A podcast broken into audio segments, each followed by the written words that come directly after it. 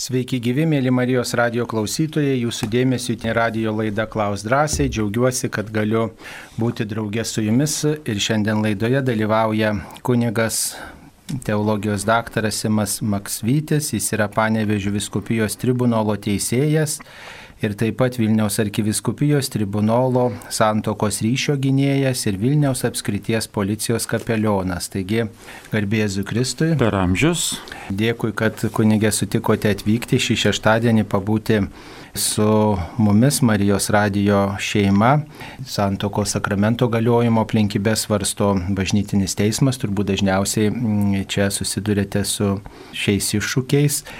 Taigi prie mikrofono esu ir aš, kunigas Saulis Bužauskas. Taigi, ar galiu prieš komuniją tyliai kartu su kunigu šnapždėti žodžius tavo kūno ir kraujo prieimimas, ten neužtraukia man teismo ir pasmerkimo, šie žodžiai man itin stiprus. Taip, tai tie žodžiai kunigo tariami mm, prieš pat e, komunijos prieimimą, kalbant e, Dievo vinėlį arba po Dievo vinėlį, kai gėda arba kalba visa bendruomenė. Tai ką galėtume pasakyti klausytojams. Taip, iš tiesų tie žodžiai yra pagal e, liturginius rubrus kunigo tariami tyliai, negarsiai, gal kartais kunigas ir garsiai juos ištaria, žmonės išgirsta, jie žodžiai yra iš tiesų e, gana stiprus. Na, jeigu žmogus jo žino, jis pasiemęs su savim turi maldyną, ir jis seka mišių eigą, žinoma, kad jis tyliai gali kontempliuoti, mąstyti, tarti ir viskas čia tvarkoje. Ir čia tie vadinami žodžiai paminėti yra viena forma, yra dar truputėlį tokia ir ilgesnė e, forma, kurią kunigas gali taip pat e, tarti, bet tie žodžiai iš tariami tyliai, negarsiai ir šiaip įprastai žmonės jų neišgirsta, bet e, kas iš tiesų gilinasi į mišių visą liturgiją, kas ten yra kalbama, kas yra tariama garsiai ir kunigo tyliai, tai žinoma gražus dalykas, kai į tos visus dalykus žmonės nori tikrai įsijungti, įsigilinti, kas ten tikrai ne tik vyksta, bet ir tariama kunigo lūpomis. E, nu tai čia turbūt asmeniniam pamaldumui tai tas netrukdo, žinot, jeigu jūs mintise kalbėsite negarsiai, net jeigu ir kunigas kartais vyresnis arba mm, tiesiog įpratęs gal kartais pusbalsių kalbėti ir nugirsta, matyti tikinti žmonės ir net išmoksta mintinai. Tai, tai tikrai čia jūsų asmeniniam pamaldumui tai tas ga, yra gražu, tačiau žinokim, kad yra žodžiai skirti kunigo melstis ir bendruomeniai. Taip, mums paskambino. Judita iš Vilniaus rajono. Judita iš Vilniaus krašto. Taip, klausome jūsų. Garbėjai Jėzų Kristui. Per amžius. Norėčiau sužinoti, ką reiškia 30 dienų po mirimo. Ar čia, kas vyksta, ar čia su atsisveikinimas su dvasia, ar čia kas, ar čia būtina e, gėduoriai reikalingi, ar galima apseiti be jų. Va tokie dalykai domina. Taip, ačiū. Tai iš tiesų tradicinis paminėjimas 30 dienų, pavyzdžiui, Žemaitijoje sako, kad tai 30-inės, aukštaitijos krašte tai sako keturnedėlis, tai yra keturios savaitės e, po mirties. Ir žinoma, Ten, sakykime, Žemaitijoje netgi minima devynios dienos po mirties, toks, nu, truputėlį priblėsęs, toks daugiau žmonės e, tą tokį turi po mirties atminimą praėjus mėnesiui. Tai, žinoma, Tai yra tokia tradicija, nežinau, nuo kada taip yra atsiradę Lietuvoje minėti Aišku, yra, kurie tikrai savo artimuosius ypatingai nori apgaupti maldą, mini ne tik 30 dieną, bet mini ir po dviejų mėnesių, ir po trijų mėnesių, kas mėnesių užprašydami mišes, kad būtų melžiamasi už tą žmogų. Sakykime, pas ortodoksus yra ne po 30 dienų, o po 40 dienų. Tai tas, žinom, 40 dienų biblinis skaičius ir tiek Senajame testamente, tiek ir Kristaus ir, ir 40 dienų ir pasninkas, mes žinom 40 dienų turime ir tą gavėnios laiką, tai pas jos vat, yra paimtas po mirties 40 dienų. Pas mūsų yra nusistovėjusi mėnesio tokia tradicija, kad yra paminima, paskui ateina metinės po metų, bet žinoma, Mes visada esame kviečiami prisiminti savo mirusiuosius kuo dažniau ir melstis už juos, pavesti Dievo gailestingumui, bet e, tiesiog e, yra tokia proga, kad vėl galimybė būtų susirinkti artimiesiems, drauge į maldą, išgyventi kartu tą liūdėsi ir rasti tikėjime stiprybę kad e, mirtis iš tiesų taip žmogaus negniždytų, bet mūsų malda palaikytų ir mes galėtume tikrai tikėjime išlaikyti tą bendravimą. Mes esame toje liaujančioje bažnyčioje ir mes, žinoma, neatskiriamai esame su triumfuojančia ir su kenčiančia skaistykloje bažnyčia. Tai tas ryšys, kuris pasilieka maldoje, tai tikrai yra labai reikalingas ir mums labai svarbus. Tai šitas minėjimas turbūt siekia dar iki krikščioniškus laikus, kai e, net ir iki krikščioniškų tikėjimų žmonės prisimindavo savo mirusius ir krikščionybė tikrai įvertindama tą pagarbą mirusiems tikrai na, įkultūrino tą tradiciją.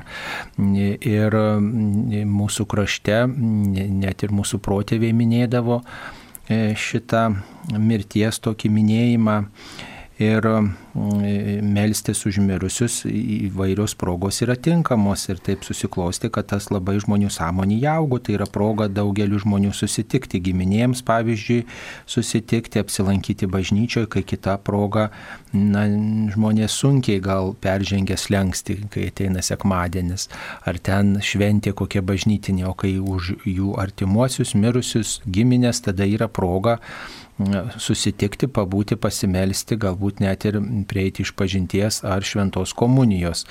Tai tikrai tas paprotys palaikytinas ir, žinot, kiekviena proga melstis yra puikia proga, ne tik tai melžiamės užmirusius, bet tuo pačiu ir patys svarstom apie mirtį, apie gyvenimo prasme, svarstom apie tikėjimą. Ir tikrai čia na, daugybę tokių dalykų laimime ir patys apie Dievą pagalvojame ir kartu tai yra dovana mūsų artimiesiems skirti komuniją ir susitaikyti su Dievu ir tokiu būdu viešpatį pašlovinti ir, ir priartėdami prie viešpaties artėjami ir prie savo mm, mirusiųjų, kurie pas viešpatį džiaugiasi jo artumu. Tai mm, čia ar samdyti gėdorius, ar, ar kažkokias ten specialias maldas kalbėti, tai čia priklauso nuo jūsų pamaldumo, nuo jūsų krašto tradicijų, nuo daugelio dalykų. Turbūt pats pagrindinis dalykas tai yra dalyvauti šventose mišiuose, pasiruošus, jei reikia atlikti išpažinti ir priimti šventąją komuniją. Va, tai tas mišes geriausia užsakyti iš anksto, kad būtų paminėtas ir jūsų mirusiojo artimo žmogaus vardas. Tai tas yra svarbiausia. Yra kai kur paprotys gėdoti arba bent sukalbėti rožančių po mišių, pavyzdžiui, susirinkus kažkokioj salytėje, namuose ten ar kavinėje, po to yra tokie, tokie pietus tradiciškai, na, toks yra jau liaudės paprotys. Tai tas nėra privaloma, nėra bažnyčios nustatyta e, nereglamentuojami tie dalykai, tačiau tai yra proga turbūt pabūti tikintiems žmonėms, giminėms kartu, bendrystės laikas toksai. Mm, tai kiek melstis, ką melstis, jau čia jūs patys nustatote. Aišku, mm, palaikytinas paprotys, kad patys mm, dalyviai to minėjimo melstusi ir kad būtų kažkas samdomas, maldininkai, gėdoriai, na tai žinot, tas toks vartotojiškumo mentalitetas ateina, reiškia, kad mes samdom remontininkus, samdom vyrėjus, kepėjus, samdom E, daugybę tų profesijų žmonių ir, vat, ir net ir maldininkus pasamdom, kad jie už mus pasimelstų. Tai mm, jeigu kitose srityse mm, tikrai gal nemokam remontuoti, nemokam tvarkyti, nemokam taisyti, statyti, tai maldos mm, atveju tas negaliotų. Mes tikrai esam tikinti žmonės ir kaip mokam, taip ir sugebam melstis. Galim ir trumpiau pasimelsti ir paprastai negėdoti galima E, tai to iškilmingumo čia nereikia didelio, užtenka, kad jūsų tikėjimas bus ugdomas. Ir tas būtų tikrai bendruomeniškiau ir pastoraciškai prasmingiau, jeigu patys žmonės, patys to minėjimo dalyviai melstusi. Tai, e, taigi čia reikėtų tokio, tokį paprotį palaikyti ir melstis na, taip kaip jums atrodo tinkama, rožinį melstis visi galime ir tą visi darome privačiam pamaldume, esame matę, kai bendruomeniai meldžiasi, tai pavyzdžiui, sukalbėti rožančių visiems drauge už tą mirusį, tai labai palaikytinas paprotys. Taip, na, dar viena žinutė apie Turino drobulę. Vis nerimauja žmonės ir prašo paaiškinti bažnyčios poziciją. Apie Turino drobulę iš tiesų jau ir Marijos radijai yra kalbėta ir, ir šiaip iš tiesų tai aktuali tema, kurią žmonės domisi ir nemažai knygų išleista ir filmų sukurta, žinoma, įnešė gal tokios abejonės, sumaišties, kiek prisimenu, tai buvo 1988 e, metų tas tyrimas, kuomet e, E, pagal, reiškia, tą dalelytę, kurią tyrė, kuri buvo apdegusi, tada paimta iš tos pagal anglies, reiškia, tą kažkokį metodą, kad nustatyta maždaug ten 13 amžius plus minus ir kad tai ko gero gal net gali būti klastoti ir tada daug sukėlė iš tiesų diskusijos ir kad ar įmanoma, kad ta tokia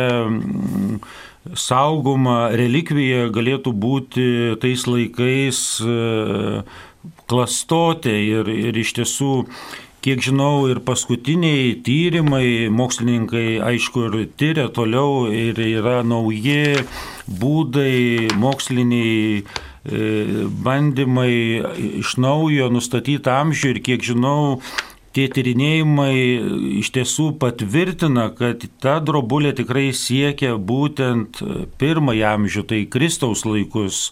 Ir pagal tas sutinkamas visas medžiagas, net atpažįstama, kokios ten, kokie augalai, reiškia, kad to krašto, kurie yra tos dalelės likusios, kiti įvairūs faktoriai, tai tikrai neleidžia bejoti, kad yra tų laikų e, tikra to amžiaus drobulė. Žinoma, tos abejonės visais laikais e, mus kažkaip e, ir pasiekia ir atrodo įvairūs nepriklausomi šaltiniai nori įrodyti lyg ir savo tiesą, bet kiek žinau, ta drobulė, kiek mokslininkų tyrinėja, nebejotinai mm, tiki, kad iš tiesų yra to laiko siekianti tikra drobulė ir neklastoti. Žinoma, drobulės tema tai ji neišsenkama, ten jeigu norint su smulkiais visais moksliniais tyrimais e, pasidomėti, jau reikėtų skaityti E, knygas, aišku, jos labiausiai prieinamos būtų užsienio literatūra, italų, ten anglų kalba, kitom, lietuvių, kiek žinau, kalba ne, nelabai tos daug informacijos galim sutikti, bet yra taip pat ir dokumentinių filmų, ne vienas pastatytas teko žiūrėti, tai labai labai plati tema. Bet kita vertus, kaip žinia, Turino drobulė mm, neįrodo tai tiesiogiai, kad e, Kristus prisikėlė ar neprisikėlė. Tai, sakykime, nu, kad ir įrodytų, kad, sakykime, gal ir nesekė pirmamžiaus, tai nei kiek nepaneigtų, kad e, to fakto, kad e, Kristus neprisikėlė. Tai mes ne dėl drobulės likusios tikime, kad Kristus yra prikeltas, kad jis yra įveikęs mirti visiškai kiti dalykai lemia mums apreiškimas kalba ir, ir apaštalas Paulius mums tai patvirtina, jei Kristus neprisikėlė, tuščias jūsų skelbimas, tuščias jūsų tikėjimas, tai nėra remiamas mūsų tikėjimas tik ant drobulės. Tai, bet žinoma, yra ta relikvija, sakykime, likusi, pasiekusi mūsų laikus, labai svarbus dalykas, bažnyčios labai gerbiamas, saugomas. Ir tai iš tiesų drobulės tema, ji, kas norėtų, ją galim informacijos rasti nemažai internete ir, ir domintis literatūrą. Taip kad galit būti ramus, jog Turino drobulė vienokiu ar kitokiu atveju, kas kaip be komentuotų, ji nėra tiesioginis Kristaus prisikėlimo įrodymas. Taip, ir prie Turino drobulės reikia pasakyti, kad meldėsi popiežiai lankydamiesi Turinę. E, ir tai reiškia, kad na, ta relikvija tinkamai vertinama. Ir jinai padeda mums suprasti, kaip tuo metu buvo žmonės laidojami Kristaus laikais ir daug tokių visokių detalių, kurios leidžia spėti, kad tai vis dėlto autentiška relikvija, nepaisant visų abejonių. Tai jeigu bažnyčia tikrai kviečia piligrimus atvykti iškilmingomis progomis tą relikviją Turino drobulė, kurioje Kristus buvo įviniotas ir paguldytas kape parodoma tikintiesiems ir prie jo meldžiasi patys aukščiausi, prie jos tos relikvijos meldžiasi patys aukščiausi bažnyčios vadovai, tai reiškia, kad bažnyčia palankiai žiūri tos relikvijos gerbimą, nors ir kyla mokslininkams, kai kuriems mokslininkams tam tikrų abejonių, tačiau vis daugiau ir daugiau tokių mokslinių įrodymų yra, kad tai nėra jokia klastotė ir kad tai yra tikrai pirmųjų amžių audinys ir susijęs taip pat su Kristaus gyventomis istorinėmis vietomis. E, taigi tiek galime atsakyti į šią žinutę, ar katalikiška greuti paminklus kariams karių kapinėse. Nu tai žiūrint, kokia intencija turbūt daroma, jeigu norima paniekinti paniekinti karius, jeigu norima kažkaip išsityčioti, tai nėra katalikiška. Jeigu paminklas sugriuvo ar ten apiro ir tiesiog jis yra išmontuojamas, tai nėra nėra nekatalikiška. E, paminklai greunami ne tik tai karių kapinėse, ir mūsų kapinėse paminklai senesni yra nuverčiami, pastatomas naujas arba tiesiog paliekama kitaip tvarkoma ta kapo vieta. Čia labai jautrus klausimas tikrai yra, nes galima tuo manipuliuoti labai ir, ir tiesiog papildomai kažką išvelgti. Tikrai reikėtų susilaikyti nuo bet kokio mirusio atminimo niekinimo ir labai diskretiškai elgtis mirusių palaidojimo vietose, e, kad nebūtų tam tikrų interpretacijų, kažkas papiktintas, įskaudintas nebūtų. Va tai jeigu jeigu priimamas sprendimas, tikrai reikia pasitarti su kuo įvairesniais žmonėmis, su vietinė bendruomenė ir, ir tikrai tinkamai pasielgti. Šiaip greuti, niekinti, kažkaip tyčiotis iš paminklų, tai čia kaip tik rodo žmogaus, na, nepagarbą, nepagarbą kitam žmogui, nesvarbu, kas jis bebūtų. Taip, dar vienas klausimas apie Kristų kaip atpirkėją. Norėčiau, kad paaiškintumėte, kaip suprasti Jėzus atpirkėjas. Aš dar tik pradedu tikėjimo kelionę. E, Kristus atpirkėjas, apie tai galima paskaityti šventajame rašte, e, kad viešpats prisėmė mūsų nuodėmės ir už mus pasiaukojo, atpirko mus iš įvairių nusikaltimų. E, tai apie tai rašoma ir laiškė žydams, e, tai yra žmonija nepaklusdama Dievo valiai save pardavė nuodėmė, jeigu taip galima sakyti, išmainė e, tą klusnumą, meilę Dievui į, į nuodėmę ir į nuodėmės pasiekmes, o viešpats ateidamas, tapdamas vienu iš mūsų e, ir prisimdama žmogaus kančią, mirtį, ant kryžiaus atperka žmoniją, sutaiko, nes jis yra klusnus tėvui ir, ir tokiu būdu išlaisvina mus iš nuodėmės. Ir jis pa, pa, tą auką įgyvendindamas paliudyja, kad pranoksta visas kitas aukas ir visas kitas sandoras, kurios buvo iki tol. E, Taigi, taip atsakytume trumpai. Tai žodžiu, nuodėmiai pardavėm save, o viešpats išlaisvina mus iš to sandorio, netinkamo sandorio, nes jis yra ir žmogus, ir Dievas, ir supranta mūsų ir motyvus, ir silpnumą, ir tik jis vienas tą gali padaryti. Mums paskambino. Michaelį iš Alitaus pataisos namų. Taip, klauskite. Labadiena. Labadiena. Nu, visų pirma, aš norėjau ten biški pratesti apie drobulę. Tai Tai iš tikrųjų aš manyčiau, kad jokio skirtumo, ar kokie tai artefaktai tai įrodo ar neįrodo, ten vienas fragmentas buvo Biblijai, tai kad e, laimingas tas, kuris įtikėjo nematęs, kaip mat, ten buvo toks Tomas, kuris netikėjo, kol nepamatė. Tai va, o klausimas tai buvo pas mane kitas. E, dėl, irgi įdomis toks sutapimas dėl interpretacijos, kaip, kaip, kaip tai pažiūrėsi. Aš žinau, kad pastačiatikių bažnyčioje e, negalima apigų atlikti savyžudžiui.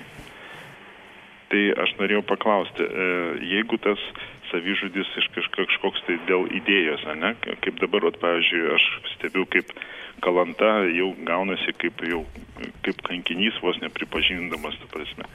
Jeigu, sakykime, žmogus dabar nusižudytų, E, nu, vardant to, kad jam dabartinė valdžia nepatinka, ar tai skaitytųsi kaip jis savižudis, ar kaip bepratis, ar kaip kankinys.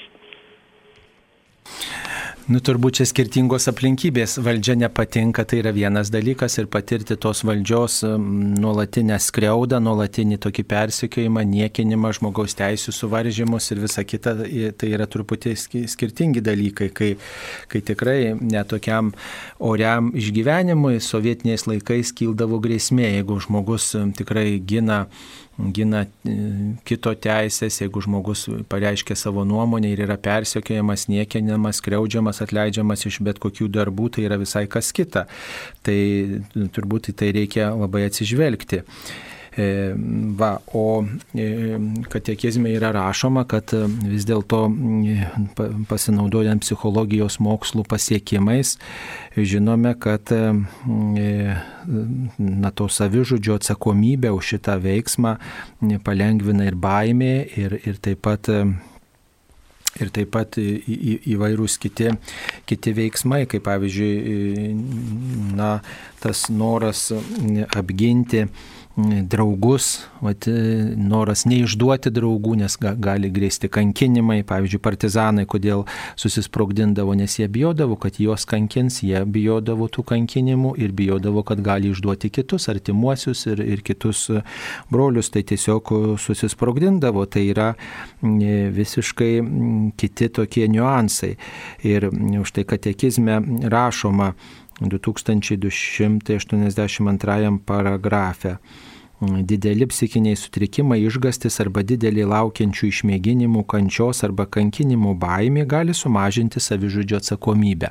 Mm, tai va matom, kad čia nėra taip juoda arba balta. Anksčiau, kai, kai na, tie psichologijos mokslai nebuvo tokie pažįstami ir taip mes nesupratom iki galo mm, va, žmogaus tų motyvų, kodėl jis elgesi, tai, tai turbūt buvo toks griežtesnis požiūris, jeigu pakėlė ranką prieš save, tai tikrai mm, na, bažnyčia sako, kad žudyti yra nuodėmė ir tada nelaidodavo savižudžių su bažnytėmis apiegomis ir tai buvo dar ir toks pedagoginis aspektas, kad nebūtų skatinamas toks elgesys daugeliu atveju, o, o štai dabar, kai, kai matom, kad tikrai e, na, tie motyvai, kodėl žmonės taip pasielgia, yra labai įvairūs, tai, tai tada ir tas sprendimas laidoti turbūt yra, yra kitaip priimamas.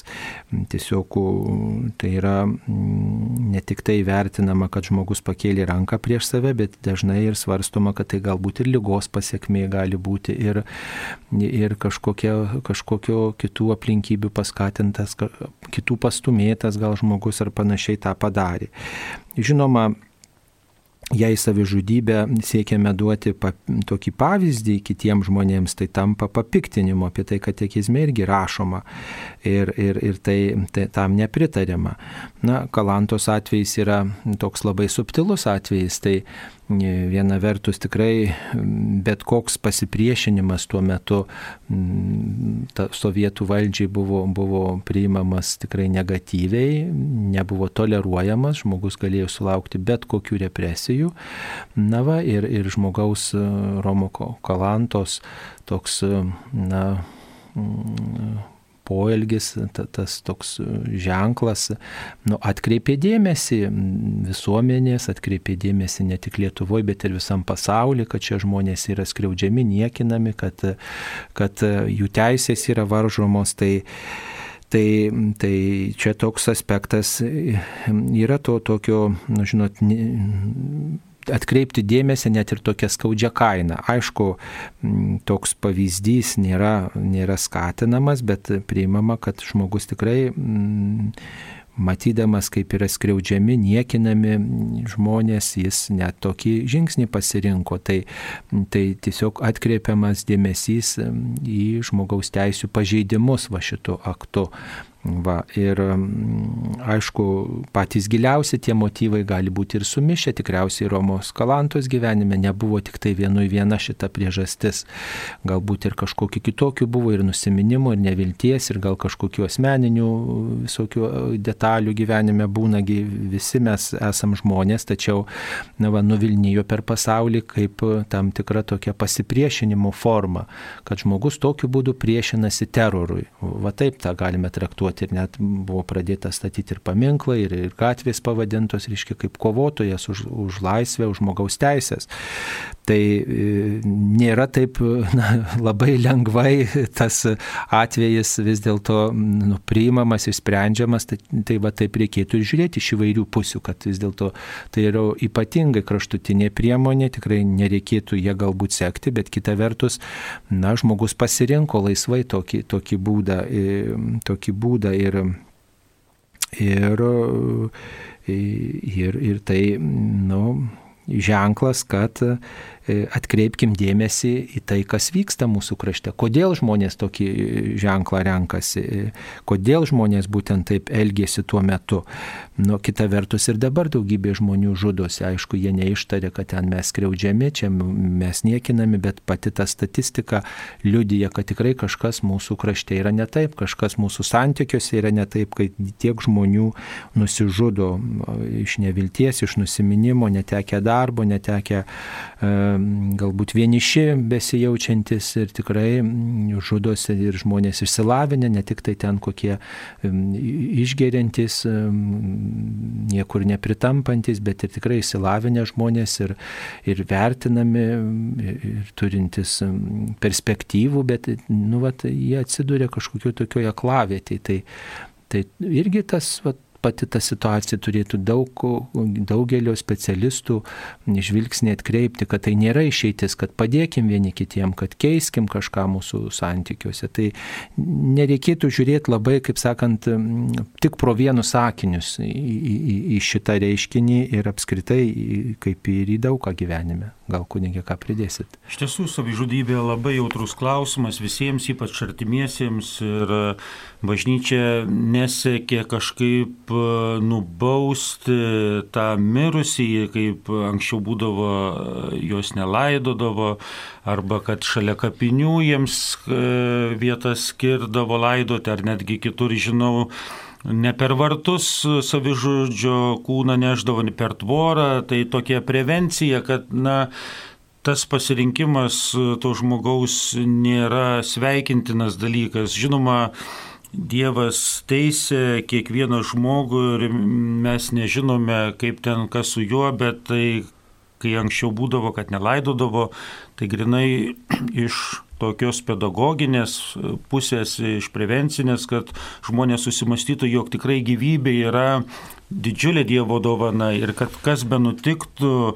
kas be būtų, ta gyvybė turi būti saugojama visais įmanomais būdais. Anksčiau gal net ir tokia buvo nuostata, sakykime, jeigu matydavo mergaitę, jeigu jai grėsia išprievartavimas, tai geriau pasirinkti žūti, e, mirti, negu kad jį būtų išprievartauta. Iš tiesų dabar, sakykime, bažnyčios mokymas sako, kad vis dėlto gyvybė yra svarbiau už tą dalyką ir kad nu, vis tiek e, neturi būti taip lengvai ta gyvybė sunaikinama ir, ir kažkaip e, vardant kažkokio, kad ir labai kilnaus dalyko, labai svarbaus, Tai žinoma, tie atvejai, jie istorijos metu iš tiesų yra naujai tarsi perkainuojami, peržvelgiami, bet iš tiesų ir bažnyčios mokymos pozicija, kad mes vis dėlto saugotume visais įmanomais būdais savo gyvybę, kad ji būtų saugojama nuo pat pradėjimo iki natūralios mirties kad e, ta mirtis nebūtų kažkaip pasirinkta kažkokiu iškreiptų būdu, bet e, vis dėlto priimtume tą gyvenimą toks, koks mums yra duotas. Ir, ir žinoma, tie dalykai, kurie mus skaudina, savižudybių, tie gausus atvejai mus visus paliečia, ypač tos šeimas, kuriuoms tikrai reikia labai daug stiprybės, paguodos ir mums vis dėlto reikia tokių priimti palaikančių, tokių gailestingų žvilgsnių. Na čia klausytojai dar vis e, nerimsta dėl Turino drobulės, sako, kai kurie kunigai abejoja dėl Turino drobulės autentiškumo. Na tai, žinot, nėra tas privalomas e, drobulės pagerbimas ir, ir, ir malda prie drobulės pagerbimo nėra privaloma. Galima abejoti ir autentiškumu, kaip ir apreiškimo autentiškumu, tik tai Jėzaus Kristaus apreiškimu jau nereikėtų abejoti, tai būtų tikrai jau tikėjimo klaida o, o visi privatus apreiškimai galima dėl jų abejoti, jie pripažinti autentiškais, tačiau žmogus gali visada turėti abejonių. Dabar kodėl bažnyčiose nemato Turino drobulės atvaizdo, tai reikia pasakyti, kad Lietuvoje yra dviejose bažnyčiose Turino drobulės kopijos. Mm, tai yra mm, Vilniaus arkikatedra bazilika turi Turino drobulės kopiją, jinai eksponuojama vienoje iš koplyčių galima aplankyti, pasižiūrėti ir taip pat yra Žemaičių kalvarijoje. Turino drobulės kopija. Tai e, maždaug to paties mastelio yra ir galima pasimelsti. Dabar dėl, kad menininkai tapo pagal savo fantaziją, tai nėra visai taip, nes pavyzdžiui, Kristaus veidas, jeigu mes gerai įsižiūrėsim daugelio menininkų, yra nutapytas būtent pagal Turino drobulės atvaizdo e, negatyvą. E, va, ir, ir ten daugelį tų bruožų galima tikrai, e, tikrai atrasti įvairiuose menininkų paveiksluose. Tai tiek būtų šiuo klausimu. E, kodėl vienus kunigus per metus po kelis kartus iš parapijų kilnoja, o kiti visą gyvenimą vienoje vietoje kunigauja, nejaugi pas Dievą ir bažnyčioje ne visi lygus. Na, iš tiesų ne visi lygus, tai nėra tos lygybės, ne? E, kiekvienas yra vertingas, e, kiekvienas, bet lygus visai tikrai nesam, nes vienas yra, turi vienus gabumus, kitas kitus gabumus ir kaip jūs tą lygybę suprantate. Tai vienas yra tokios veikatos, kitas kitokios, tai, tai tikrai yra skirtingi žmonės ir Dievas kiekvieną asmeniškai myli, kiekviena, kiekvienas yra svarbus, kiekvieno gyvenimas yra vertingas, taip reikėtų sakyti, bet, bet lygus tai tikrai, nu, nesame lygus, ar ne, tai e, tos lygybės, kad tikrai būtume kaip iš po konvejerio, taip, taip nėra. E, tai kodėl viskupai vienus kilnoja, kitus nereikėtų jų klausti. Tai matot, yra pastoraciniai visokie aspektai, yra amžiaus dalykai, yra sveikatos dalykai, nu ir viskupai tikriausiai tai atsižvelgia. Tai žinoma, e, vieniems jautrus klausimas, kitiems skaudus klausimas, o kitiems tai nei šilta, nei šalta dėl to turbūt. Tai e, kilnoja todėl, kad neprisirištų kunigas prie vienos bendruomenės, prie vienos parapijos, kaip e, apaštalai keliavo iš vienos vietos į kitą ir skelbė žinę apie Dievą, taip ir kunigas nėra jisai šio pasaulio žmogus, nėra tik tai e, šiam pasauliui skirtas, bet jis skelbia žinia apie Dievą ir jo tas šeimos nekūrimas, jo tas keliavimas e, liūdė, kad jis neturėtų būti nei prisirišęs prie gerybių, nei prie žmonių, nei prie bendruomenės, nes jo turtas ir paveldas yra viešpats. Tai žinoma, kad įvairiais istoriniais laikotarpiais įvairių praktikų yra buvę ir tikrai yra kunigų, kurie dirba net 30-40 metų vienoje parapijoje. Aišku, tai yra tam tikrų ir privalumų, bet yra ir trūkumų, kad galbūt jau žmonės pripranta ir nieko nebesitikė naujo ir, ir nėra tokio atsinaujinimo, tokio kažkokio kito žvilgsnio, nėra kitos prieigos prie daugelio žmonių, gal kunigas vienus dalykus daro gerai, bet kitų nedaro labai gerai, tai, tai taip, bet kita vertus žmonės prisiriša prie kunigo, supranta, žino, kunigas gerai labai ga, turi progą pažinti žmonės, tai čia nu, nėra vienareikšmiškas tas dalykas. Klebonas neturėtų labai dažnai keistis parapijoje. O vikarai tai keičiasi dažnai, o kiti kunigai talkininkai tai pagal pastoracinės ir visokias kitokias aplinkybės. Taip, iš tiesų pagal kanonų teisę klebonas parapijoje kaip ir turėtų turėti pastovumo žymę. Ir žinoma, vėl pagal Lietuvos viskų konferencijos nuorodas įprasta, kad klebonus skirti e, galima kadencijai, septynių metų kadencijai, vėl pratesiant. E, ir čia tai tikrai yra labai atvira tokia plati tema ir žinoma visuomet yra to nepasitenkinimo dėl vienų per ilgo užsibuvimo kitų per trumpo, visi kunigai labai skirtingi, su savo charizmom, vienas kažkokių daugiau gerų savybių turi, kitas mažiau. Ir žinoma, visi trokšta ir nori, kad parapijai būtų pats geriausias, klebonas, kunigas, kuris vadovautų, kuris iš tiesų įneštų kažką naujo, pozityvaus ir vieniems tai labiau pavyksta, kitiems nelabai ir kažkaip vieni yra mylimi, kiti mažiau mylimi.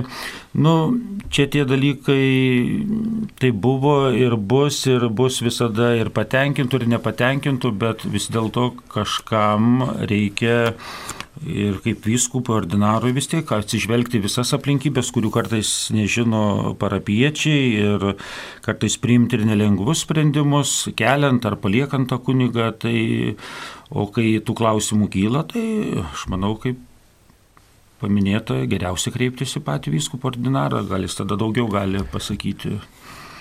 Taip, ar dėrėtų užprašyti šventasias mišes užmirusi žmogų, nelaikiusi savęs tikinčių ir nelankiusi bažnyčios? Žinoma, kad e, mišios, tiek mišios, tiek malda yra reikalinga kiekvienam ir tas laikymas, nelaikymas save tikinčių, gal jis e, ekspresyviai savęs tokiu nelaikė, nebuvo per diem pamaldus, lankantis kas savaitę bažnyčią ir panašiai, bet e, iš tiesų kiekvienam žmogui reikalinga mūsų malda, tiek mišios, tiek ir privati mūsų malda. Jis lankė ir nelankė, mes tikrai esame kviečiami atminti juos, o kaip ten pas viešpatį vienas įžino, mes pasikliaujam jo gailestingumu ir, ir tas laikęs, nelaikęs savitikinčių pasverto žmogaus tikėjimą tikrai nėra lengvas dalykas ir gal nereikėtų to sverti tikėjimo, jeigu žmogus stengiasi gyventi pagal sąžinę, stengiasi būti žmogumi, tai negi gali sakyti, kad jis jau toks netikintis ir toks visiškai nusigręžęs nuo visko, nu, negali kartais ir pasakyti, nors jis gal ir neparodė ten save tokiu tikinčiu, lankančiu bažnyčią, bet e, vienareikšmiškai tikrai verta ir reikalinga melstis už mirusius, kaip ir sako šventasis raštas. Matot, jeigu žmogus buvo pakrikštytas, tai tikrai jūsų abejonės te būna išsklaidytos. Jeigu tikrai žinot, kad jis buvo pakrikštytas, nu, nelaikė savęs, nelankė, tai jau čia jo pasirinkimas, bet jūs padarote tokią dovaną. Jeigu vis dar lieka abejonės, tai tada tokiu atveju užsakykite mišes už giminę. Už to žmogaus giminę visada ten atsiras ir tikinčių žmonių, ir abejojančių, ir nutolusių. Tai tokiu būdu ir pagelbėsit ir tam žmogui, ir kartu, nu, jeigu jis tikrai prieš Dievą nusiteikęs, tuomet ir, ir, ir neprievartausit savęs. Tai visada tokia galimybė yra, ypatingai jeigu abejojam dėl žmogaus intencijų, melžiamės už visą giminę, tiesiog viešpats tegul panaudoja tą mano maldą, tą mano rūpestį, mano troškimą, mano dovaną tam žmogui, taip kaip atrodo tinkama ir kad aš neįžeiščiau to žmogaus pasirinkimo, to žmogaus noro gal būti be Dievo, bet kartu ir, ir parodyčiau ir savo susirūpinimą. Mums paskambino. Dar kartą paskambino Michael. Taip, klausau. Labadiena dar kartą. Labadiena. E, noriu pasinaudoti progą, kad svečiuose turime kapelionų policijas ir būtent to klausimą, kadangi jis e, nuolat susiduria su policininkais ir bendrauja su jais, man teka e, teisme girdėti, kaip tyrėjas sakėte, padeda man Dievas. Kiek iš tikrųjų policininkai yra pamaldus, tikintis ir, ir kažkas panašaus? Ačiū už klausimą. Kartais atrodo, kad tos teisingumo teisės struktūros, tai tokios atrodo nutolusios nuo Dievo, nuo tikėjimo. Žinot, tie patys policininkai, jie yra visokie, yra ir tikintis, ir netikintis, kaip ir visose sferose žmonės bet e, iš tiesų tikrai daug gražių tikėjimo liudijimų galima susilaukti ir sutikti iš policininkų. Ir, ir ypač, sakyčiau, kai tenka bendrauti, ypatingai su policijos komisariatu, viršininkais ir jų žvilgsnis į tikėjimą, tai sakyčiau, nu, tikrai gana aukštas ir, ir stiprus ir jie tą mato, kaip yra nu, labai svarbu tą dalyką saugoti ir jie patys, ypač, sakykime, kai man Vilniaus apskryti tenka darbuotis ir tam krašte nemažai Lenkų tautybės žmonių ir yra Lenkų tautybės vadovų e, komisariatų komisariatuose, tai, sakyčiau, netgi labai gražių tokių liudijimų ir, sakykime, gal kai kas ir nusteptų, bet, sakykime, Vilniaus antrojo policijos komisariato viršininko kabinete kabo virš durų kryžius. Nelabai įprasta pamatyti įstaigose, kad būtų kažkur e, kryžius. Aišku, galim sutikti pavienius atvejus.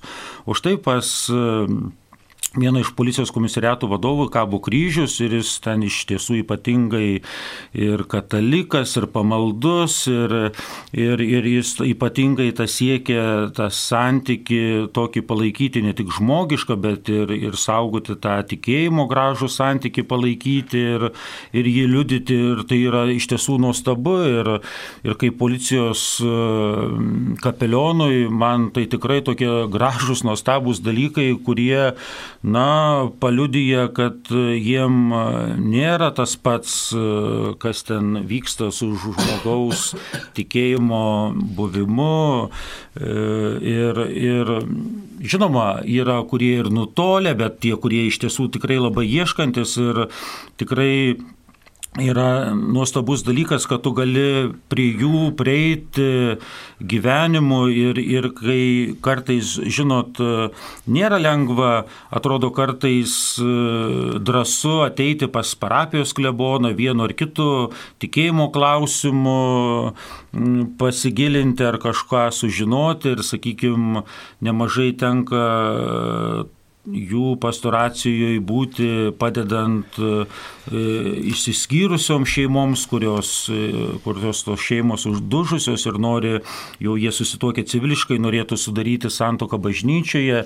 Tai yra, irgi yra nemaža labai pagalba jiems ir jie labai to džiaugiasi, kad e, jie gali pasiteirauti, sužinoti, nuo ko tas prasideda, kai reikia kreiptis į bažnytinį teismą, kaip tą prašymą, ieškinį surašyti ir taip toliau ir panašiai, tai iš tiesų tikrai jaučiu, kad esu jiems tikrai labai reikalingas ir kad jie tikrai kapeliono laukia, nes jie gali tiesiogiai čia ir dabar ne kažkokioj tai tik sutikti bažnyčios erdvėjai, o tiesiog tam realiame gyvenime ir na, kuriems tikrai rūpi tikėjimo dalykai, klausimai ir tie susitikimai būna tikrai dažni ir, ir jie labai reikalingi, tai tikrai kiekviena, sakykime, kokia tai būtų aplinka, kur ten žmonių susibūrimai yra, kad galėtų kapelionas ar kunigas pasiekti, įeiti jų, jų gyvenimus. Aišku, įprasta, kad atrodytų žmonės ateina į bažnyčią, ateina į kleboniją, bet tai, sakykime, jau toks e, būdas senstantis, nes žmonės na, nelabai linkia taip spręsti savo tikėjimo klausimus, eidami kažkur į kleboniją, bet jie tikrai nori taip drąsiau prieis prie kunigo, kai jis ateis į jų darbo sferą, į, prie jų gyvenimo prisilies, jie tikrai kažkaip išlaisvėja ir jiems matai, kad labai tie dalykai rūpi, tai tiesiog tuo tik galiu pasidžiaugti ir labai gera, kad galiu savo laiką jiems e, dovanoti. Taip, ačiū.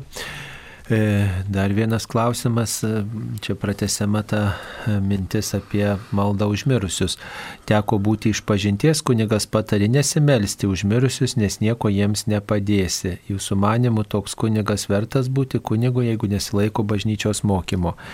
Na, apie kunigo vertumą būti kunigu tai sprendžia ne Marijos radijas, bet vietinis vyskupas, e, ištyręs kunigo gyvenimo būdą, kunigo skelbiamą žinę ir panašiai. Ir jis yra atsakingas už tą kunigą tai su juo tarkitės šitų klausimų, o dėl to, kad neverta melstis užmirusius, tai žinot, yra tokia istorija, sako, žmogus nesimeldžia užmirusius, o kodėl? Sako, jeigu dangui tai nereikia, jeigu pragare tas mirusis, tai irgi nieko jau čia nebus. Tai sako, jeigu skaistyklo, tai tegul pats pasimoko, kad netinkamai gyveno. Tai e, gal ir kunigas tiesiog laikosi tokio principo, kad tegul pasimoko tas mirusis, jeigu e, netinkamai gyveno. Bet iš tiesų tai, žinoma, mes kartais labai susikoncentruojam į maldą užmirusius ir pamirštam kartais patys tinkamai pasirinkti, patys atsakomybę imtis už savo gyvenimą. Tai pažiūrėkit įvairiai į tuos žodžius, bet bažnyčios mokime tikrai yra malda užmirusius, nes ir kiekvienose mišiuose prisimenami mirusieji, tai yra bažnyčios mokymo dalis. Taip trumpai atsakytume, žiūrime dar į kitus klausimus. Ar sutuokiant liudytojais būtinai turi būti vyras ir moteris? Ne, nebūtinai. Reikia, kad būtų santokoje būtinai du liudytojai. Gali būti tiek du vyrai, dvi moteris, gali būti ir trys žmonės. Pavyzdžiui, Italijoje įprasta, kad liudytojais būtų trys ir kažkaip ten įprasta, kad būtų net vyrai. Man teko, kai anksčiau parapijose dirbant, pavartyti senesnės knygas, tai sakykime, tuo pirmoji Lietuvos nepriklausomybės laiku irgi taip įdomu surasti, kad liudytojais būdavo irgi rašomi vyrai ir trys. Pas mus dabar nusistovėjusi tokia yra tradicija, kad būtų vyras ir moteris, būna kartais dažniausiai pora, arba nebūtinai, bet neužtenka vieno liudytojo santokoje. Jeigu būtų vienas liudytojas, santoka būtų negaliojanti. Turi būtinai du žmonės, nesvarbu tikėjimas, jie gali būti netikintis, pagonis, musulmonai, dar kažkokie. Svarbu, kad jie paliudytų, kad santoka įvyksta. Ten, sakykime, labai svarbu, kad e, jau dalyvautų kaip e, krikšto globėjai, tai jau tikėjimo svarba ypatinga ir reikalinga. O čia santokoje jie gali būti tiesiog liudytojai, kad ir iš gatvės, bet kad jie paliudyja, kad ta santoka sudaroma ir kad jie įvyksta tiesiog tas dalykas, kad jų išreikštas laisvas sutikimas susituokti. Garbėsiu Kristui, toks klausimas, pora gyveno civilinėje santokoje, nes vyrui tai buvo antra santoka. Vyras mirė, o garbaus amžiaus moteris visada lankė bažnyčią ir jai labai svarbu priimti komuniją, o jei dabar galima tai daryti, ar reikia kur kreiptis, ar užtenka pas savo kleboną. Jei niekur nereikia kreiptis, tiesiog gyventi sakramentinį gyvenimą, eiti iš pažinties ir priimti komuniją. Čia nėra jokių kliučių jai, nes vyras miręs ir jinai yra laisva. Svarbu, kad nebūtų sudaryta antra civilinė santoka jos atveju, bet kadangi jau žmogus turbūt garbaus amžiaus, tai tas atvejis e, nelabai grėsia. Taip, čia jau antra pusė mirusi, žmogus likęs vienas, gyvena Ir jis tikrai drąsiai gali eiti ir, reiškia, iš pažinties, gauti nuodėmio išrišimą, eiti šventos komunijas, niekur net nereikia kreiptis, o jeigu kažkokių klausimų kyla, einant iš pažinties, kunigo galima ir pasiteirauti, ir paklausti, jeigu kokios abejonės, kas nors kyla, kunigas tikrai tą paaiškins, kompetitingai turėtų paaiškinti ir, ir nuraminti, ir padrasinti, taip, kad čia iš jūsų pusės viskas tvarkoje. Turbūt tą pačią progą reikėtų priminti, kad net ir tie žmonės, kurie neprieimė santoko sakramento, bet gyvena kaip brolis ir sesuo, e, e, tai tikrai gali eiti ir iš pažinties ir komunijos, e, tikrai prašyti Dievo pagalbos savo ir visiems kitiems žmonėms. Kartai žmonės labai save suvaržo šitoj srityje. Jeigu sutuoktiniai nepriima bažnytinės santokos sakramento, bet yra prieimę civilinės santokos sakramentą, ar reiškia, kad jie gyvena nuodėmėje? Na taip, jie tada negali švesti sakramentų. Žinoma, nėra pats blogiausias variantas, kai būna iš viso net neprieminiai civilinės santokos, gyvena, kaip sakyti, susidėję, visiškai ne, be jokių įsipareigojimų. Bet jeigu jie yra prieėmę civilinę santoką ir galvoja gyventi kartu ir yra tikintis, o kodėl jiem neprieimus bažnyčioje sakramentą, jeigu niekas netrukdo ir, ir tada viskas labai paprastai yra išsprendžiama, reikia tik pasiruošti, bet jeigu jie net negalvoja apie bažnyčioje sakramentą, tai aš manau nelabai jiems svarbu nei ta išpažintis, nei švento komunija, gal tiesiog reikia tam tikro laiko, kol jie subręs, suvoks, ko jiems reikia iš tiesų gyvenime, kas jiems svarbiausia, bet, sakau, tokie atvejai labai jie yra įvairūs ir skirtingi. Taip, kokie konkretų žmonės Kauno arkiviskupijoje e, meldžiama, kad būtų paskelbti šventaisiais ar palaimintaisiais. Taip turbūt šitą klausimą reiktų perskaityti. Tai e, yra dvi moteris, Adelė Dirsytė ir Elena Spirgevičiūtė, e, kurios yra Dievo tarnaitės ir melžiame, kad jos būtų paskelbtos palaimintosiomis. E, Kauno arkiviskupijoje taip, o kitose viskupijose yra ir kiti. Yra ir kiti asmenys. Taip. Kunigas suspenduotas, o kodėl net leidžiamas nuo pareigų, kada suspendavimai panaikinami? Kunigas suspenduotas, tai reiškia, jis yra sulaikytas nuo tam tikrų pareigų. Ir žinoma, kunigas gali būti suspenduotas ir nuo visų sakramentų, gali nuo tam tikrų pareigų ir žiūrint, kokia yra suspensa, kartais atrodo, jis nuo tų pareigų atleidžiamas, bet jis, jam yra paliekama galimybė privačiai išvesti šventasias mišes arba jis gali gal išvesti mišes, bet suspenduotas nuo išpažinčių klausimo. Įvairiai tie gali būti pasireikšti momentai ir ta suspensa tai nėra amžinoji bausmė. Suspensa tai, tai tokie, kaip sakykime, laikina suspendavimas, sulaikimas. Jis negali būti suspendavimas kaip ir toks, nu, įprastai būti visam gyvenimui. Jis yra kažkokiam apibrieštam laikui, ar kol ta kažkokia išnyks, reiškia, kliūtis ar panašiai, tai čia tų atvejų įvairiausių gali būti ir tą, žinoma, įprastai sprendžia vietos vyskupas. Dabar padarysime pertrauką.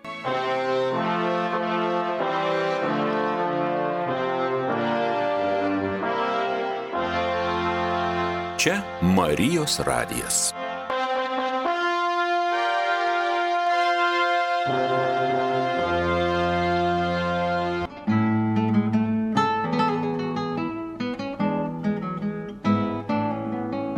Brangus Marijos radio klausytojai, dėkojame Jums, kad prisidedate prie Marijos radio gyvavimo savo malda, auka ir savanorystę. Todėl kviečiame susitikti su Marijos radijos savanoriais gegužės mėnesio 22 dieną, sekmadienį, Kauno Kristaus prisikėlimo bazilikoje, Kauno Kristaus prisikėlimo mažojoje bažnyčioje, Trakų švenčiausios mergelės Marijos apsilankimo bazilikoje, Utenos Dievo apvaizdos bažnyčioje, Plungės Švento Jono Krikštitojo bažnyčioje, Anykščių Švento apaštalo evangelisto Mato bažnyčioje. Dėkojame, kad savo paramą prisidedate prie Marijos radio misijos skelbti Dievo žodį. Dėkojame ir melžiamės už Jūs.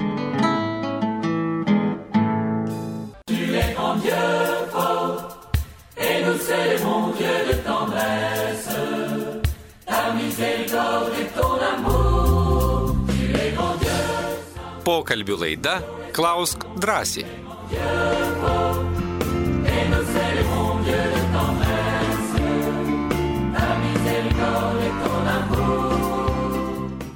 Taip, mėly Marijos radio klausytojai, po pertraukos vėl esame draugė su jumis. Prie mikrofono esu aš kunigas Saulis Bužauskas ir taip pat yra prie mikrofono kunigas teologijos daktaras Simas Maksvytis, Panevežių viskupijos tribunolo teisėjas, Vilniaus arkiviskupijos tribunolo santokos ryšio gynėjas ir Vilniaus apskrities policijos kapelionas. Taigi, kodėl taip sunku atlikti išpažinti? Gal reiktų tik surašyti nuodėmės ir paduoti kunigui, nes mažiau nervų būtų, gal kanonai pakeistų ar leistų, kaip čia. Nu tai surašyti, matot, tais atvejais turbūt naudojama, kai žmogus negali kalbėti, kai žmogui keblų kalbėti. Arba galima susirašyti, kad žmogus nepamirštų, kartais labai jaudinasi, tai pamiršta, susirašo, pasižymi bent kokiais tokiais ženkliukais, kad kiti nieko neperskaitytų, jeigu netyčia patektų tas lapelis O kodėl sunku? Nu reikia nuolankumo, matot, reikia čia nuolankumo. Puikybė neleidžia mums, puikybė neleidžia pripažinti tiesos. Čia ir yra visas dalykas, tiesa mus išlaisvina, tiesai reikia nuolankumo, tiesai reikia mm, tokių nusižeminimo, o mūsų išdidumas neleidžia pripažinti. Ir velnės nenori, kad mes išviešintume, nori, kad slaptoj viskas pasiliktų. Mes vat, atvirai pasakom kunigui ir per jį pačiam Kristui, kunigas Kristaus vardu mums atleidžia, mums, mus, už mus asmeniškai pasimeldžia ir dar kokį patarimą duoda, tai čia yra didelis dalykas ir tada ateina toji laisvė nuo nuodėmės ir mm, asmeninio susitikimo su Dievu. Tame pokalbėje patirtis tokia, nors ten tik kunigas, kad ir koks netikęs, nevertas mm, būtų nemėgstamas kunigas, bet vis tiek tame susitikime pats Kristus dalyvauja ir tokia Dievo artumo patirtį visada galima paliūdyti daryti, ypač jeigu mes su ateinam su tikėjimu, su meilė, su troškimu keistis, tai tikrai mūsų Dievas ypatingai paliečia. Mums paskambino. Skambino Rasa iš Kauno. Tai prasa klauskite. Garbėjai Zikristai. Per amžius. Dabar aš, žinokit, plačiai daug, nes labai susijaudinus esu. Dabar taip, dvasininkai, mūsų ganytojai yra ne tik tai e, kaip e, bažnyčios tarnai, dievulio tarnai, bet jie yra piliečiai su savo nuomonėm ir teisėm. Yra karitas, chorai, vyksta rekolekcijas ir visa kita. O kodėl nėra lyderių kiekvienoje bažnytėlėje, kurie, kiek, e, kurie kiekvienos bažnyčios bendruomenę atstovautų? Būtų pranešta valstybės kuriejams bendruomonių nuomonės, nepritarimai. Nu tikrai labai reikia 21 amžiaus apaštalų. Dabar žiūrėkit, tylim, kai iš lieto pamažu ir nepastebimai graunamas Lietuvos valstybingumas, naikinam, naikina tautą remdamiesi laukinę džiunglinę li- laisvę ir liberalizmu. Visose srityse. Žiūrėkit, kur jūs matėt, kad su mašina atvažiuotų gydyti žmonės. Seniau e, tarybiniais laikais tai tik maistą atveždavo, kur ten perkėsi neįdavo, prie parduotuvių nebūdavo. Dabar greuna tas visas gydymo įstaigas ir mašinas siunčia žmonės gydyti. Gydimas pats tapo paslauga, visas gydymo įstaigas sujungia į vieną visumą, net radiologai, e, ekoskopu, e, Taip, supratom. Supratom, ar dar turit kažką paklausti, mėloji, gal norit kažką paklausti, kad galėtume atsakyti ypatingai iš tikėjimo srities apie lyderius tik. Nu, tai va, tai norisi, kad, kad tie lyderiai būtų kažkokiu būdu mūsų dvasininkai, e, plauktų kartu su mūsų bendruomenė. Nu, kad būtumėm visi kartu mesgi kaip. Nu, mes esam bendruomenė, mum, nu, Mhm. Taip. visose tose Taip, mintise. supratom, supratom. Ačiū, mėloji Rasa, kad jūs domitės tokiais klausimais. Bendruomeniškumas tikrai labai reikalingas. Iš tiesų, visi nori tų gyvenime turėti savo bendruomenėse lyderių ir, ir ypač e, iš tikinčiųjų nori visuomet matyti prieš akiją kunigą kaip lyderį, tą tokį vedlį, kuris nebijo nieko ir kuris gali su bet kuo susigrumti. Ir atrodo mes žinoma, kiekvienas trokštame tokios triumfuojančios bažnyčios, pergalingos, su vėliava einančios, bet ją matom ir tokia savotiškai sužeista ir kartais kraujuojančia, ir tokia silpna, ir tokia taip atsiliekančia, ir nespėjančia paskui Kristų eiti, kuris kviečia sek paskui mane, ir išsigandus, ir pabūgusią, tokią kaip ir apaštalai toje valtyje, kai užėjo audra ir atrodo viešpatė tau nerūpi, kad mes žuvame, o mes išsigandę, nepaisant nuo esi tu valtyje, bet atrodo mums čia reikia grumti su gyvenimo audromis. Ir iš tiesų mūsų tas toks gyvenimas ir yra, kur iš tiesų mes patirime visko. Aišku, kažkaip na, akcentuoja žmonės, kad turi būti būti ten tik kunigai lyderiai, bet kažkaip, o kodėl iš tų žmonių taip kažkaip mes irgi tikime, trokštame, kad iš pasauliečių, iš tų parapiečių, kurie nebijotų irgi eiti į priekį, būti tais lyderiais, būti tuo bažnyčios balsu. Mums atrodo, kad e, vien tik kunigai, viskupai turi būti tas greudėjantis balsas, e, strupinantis tarsi uolas, o visa kita aplink juos šalia tarsi tos avis palinkusios, nuleidusios galvas ir, ir tik sekantis e, paskui juos ir nieko nedarantis, bet iš tiesų bažnyčią sudarome mes visi. Kartais mes, žinoma, iš tų pasauliečių išgirstam tų daug balsų, pageidavimų, kur kunigai, kodėl jie tyli, kodėl viskupai tyli, kodėl jie to ano nedaro. Bet lygiai taip pat mes tą patį sakom, o kur pasauliečiai, kodėl jie tyli, kodėl jie nieko nedaro, kodėl jie nieko nesako, bet juk yra daug tokių žmonių, kurie ir įsilavinę iš pasauliečių, kurie turi ką pasakyti, gali pasakyti ir kažkaip, na, irgi ar tos drąsos mums visiems pritrūksta. Žinot, tik rodymų pirštais vieni kitiems, kas ką turi daryti, mes niekada nesukursim tos atmosferos, tokios kartu bendruomenės stiprios ir aiškinantis, kas ką ką turi daryti, bet žinoma, mes ir patys žiūrėkime, kas kiekvienas galim padaryti nuo savęs. Ir žinoma, tie skauduliai mums visiems yra skaudus, ką mes matom, kas ne taip, bet, žinot, vis dėlto mes pasižiūrėkim ir kartu aplink save, ką aš galiu. Gal aš negaliu tiek padaryti kaip lyderis, bet gal aš kažką galiu nors truputėlį įnešti savęs ir, ir įnešti savo gyvenimo, kad, nu, būtų mums visiems geriau. Taip, tai lyderiai yra pasauliečiai, taip pat yra pasauliečiai pašaukti paštalauti ir tikrai yra parapijų, kur ūkdomi e, tie lyderiai, vadovai, grupelių vadovai įvairių ir, ir jie įvairiose srityse veda žmonės, kviečia, talkininkauja kunigui, o kunigas visose srityse negali būti lyderis, nes paprasčiausiai pristiks tam kompetencijų. Mm, tai ir turėtų remtis pasauliečiais. Labiausiai kunigui dera turbūt rūpintis dva, dvasiniais dalykais, būti dvasiniu vadovu, gerojo ganytojo Kristaus atspindžiu. Taip, dar viena žinutė, ar duonos vogimas iš alkio yra nuodėmė.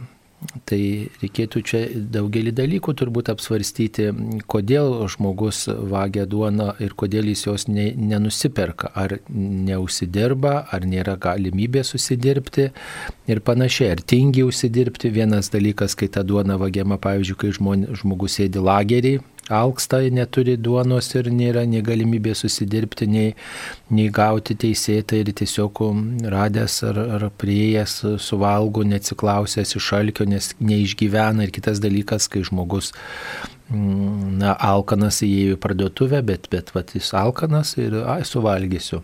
Taip, iš tiesų, tie labai svarbus išskirimai. Žmogus išvėl veltėdis būdamas tas, kuris gali užsidirbti duoną ir vagę, tai be abejo bus nuodėmė, bet žmogus tas, kuris tikrai gyvena tokiom sąlygom, kur tikrai ne dėl jo kalties jis negali mm, prasimaitinti ir, ir karo kažkokiom sąlygom. Ir jeigu jis vagia pagal moralinę teologiją, tai tikrai jam nėra nuodėmė ir jis tiesiog e, galvoja apie savo gyvybės išsaugojimą kai tikrai nu, neturi kažkaip jokio kito būdo prasimaitinti ir išsaugoti tą gyvybę, tai vėl va tie dalykai turi būti atskiriami.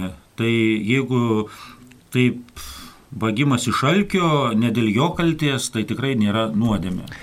E, katekizme sakoma, kad septintas įsakymas draudžia vokti, tai yra neteisėtai pasisavinti svetimą turtą, jei dėl to pagristai nesutinka jos savininkas.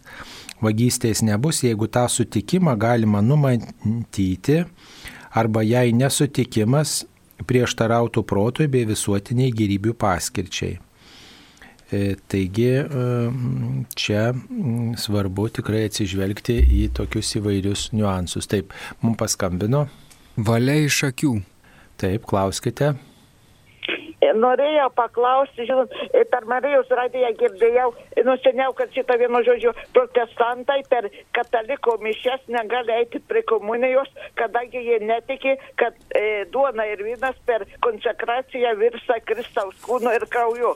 Bet per šiemet per Velykas dėl įdomumo pažiūrėjau pam, Velykinės pamaldos iš Liuteronų evangeliko bažnyčius. Ir mačiau, kad jie kai kurie eina prie komunijos. Tai tada e, kokiu būdu, kaip pas juos, žinot, vienu žodžiu, ta duona virs, e, vynas virsta Kristaus kūno ir krauju. Taip, e, protestantai laikosi tokio tikėjimo, kad būtent tuo metu, kad yra prisimenamas e, Kristaus vakarienės faktas prisimenamas, išgyvenamas ir vat, būtent tuo metu vat, tas viešpats ten pasilieka tuose pavydaluose, bet pasibaigus apieigoms jau jie nebelaiko, kad štai toj likusioj duono ir panašiai Kristus pasiliko. Būtent tuo metu jie prisimena, o, o, paskui, o paskui jau nebe. Tai va yra toks skirtumas. Ir O katalikai tiki, kad net ir po šventųjų mišių Kristus kartą pasilikęs duono jis iš ten nebesitraukia. Ir dėl to mes gerbėm švenčiausiai sakramentą, kuris saugomas tabernakulyje, ten uždegta raudona lempelė, dėl to yra ir, ir švenčiausio sakramento adoracija, kad mes tikime, jog viešpats pasilieka baltoj duonui. Be to, protestantai mm, neturi tos apaštalinės sukcesijos nuo pašto laikų ateinančios mm, galios, mm, kunigystės galios yra sulaužytos tos tradicijos perdavimo, nes pavyzdžiui, katalikų bažnyčiai vis viskupai prisimena seka, per kuriuos žmonės atėjo viskupų šventimo dovana karta iš kartos nuo pašto laikų. Ir mes kunigai žinome, kad štai va iš to vyskupo šventimus gavau, o, o tas vyskupas gavo e, viskupystės šventimus iš, iš, iš kitų va viskupų ir ten galima seka tiesiog pasiekti per kelias kartas ir tokiu būdu na, labai jau gilinantis galima iki pat pašto laikų pasiekti, kad ta gale nepertraukiamų būdų atėjusi nuo Kristaus laikų. Tai vad tos kunigystės dovanos neturi taip, kaip ją supranta katalikų bažnyčia. Jos neturi protestantų bendruomenės. Tai va ir jų tas vakarienės minėjimas yra toks tik prisiminimas, tada išeina taip. Bet iš tiesų pridedant dar, kad jeigu nėra galimybių, sakykime, kitoj šaly katalikui pasiekti bažnyčios savo bendruomenės, katalikų bažnyčios bendruomenės, o ten vyraujant yra ortodoksų bendruomenė, jis tikrai gali pilnai dalyvauti ortodoksų liturgijoje ir priimti švenčiausią sakramentą, priimti sakramentus. Lygiai taip pat ir ortodoksų bendruomenė žmogus atvažiavęs į katalikišką šalį, kur nėra pravoslavų cerkvės, nėra sutinkamo jų kunigo bendruomenės, jis gali dalyvauti katalikų bendruomenėje, dalyvauti mišiuose ir priimti sakramentus. Nes e, pas ortodoksus visi septyni sakramentai yra tikri ir, ir pripažįstami, tai tokiais atvejais yra galimybė būti ir švesti sakramentus. Taip, mums paskambino. Veronika iš Vilniaus. Taip, Veronika, klauskite. Garbė Jėzų Kristų. Per amžius amen. Visų pirma, noriu Jūs pasveikinti su pašaukimais. Nesenaigi buvo minėjimas ir visa kita. O dabar noriu paklausti tokį klausimą. Aš primiau santuoką 1963 metais prieš tai primiau civilinę, o paskui reiškia bažnytinę. Ar įgalioja tokiam, nes aš vienas tik per Marijos radiją girdėjau, kad nuo tik nuo 73 metų. Ir dabar aš nežinau, net prisimenu, nei koks kunigėlis man davė šitą santoką, nei ką. Ačiū. Ačiū Jums, ačiū už prisiminimus. Tikrai galiojanti, būkite rami ir at, tikrai nuostabu, kad e, tas toks gražus e, laikas praėjęs, tiek išgyvenot e, kartu ir santoka kol neįrodyta priešingai visuomet yra galiojanti. Kartais atrodytų, nu tikrai, kai žmogus pasako, va tokiom aplinkybėm, nu tikrai e, ekstremaliom ir, ir, ir tokiom neteisėtom jie sudarė liktai santoką, atrodo viskas vaizdu, bet kol bažnyčios teismas to nepasakė, nepatvirtino, santoka yra visuomet galiojanti.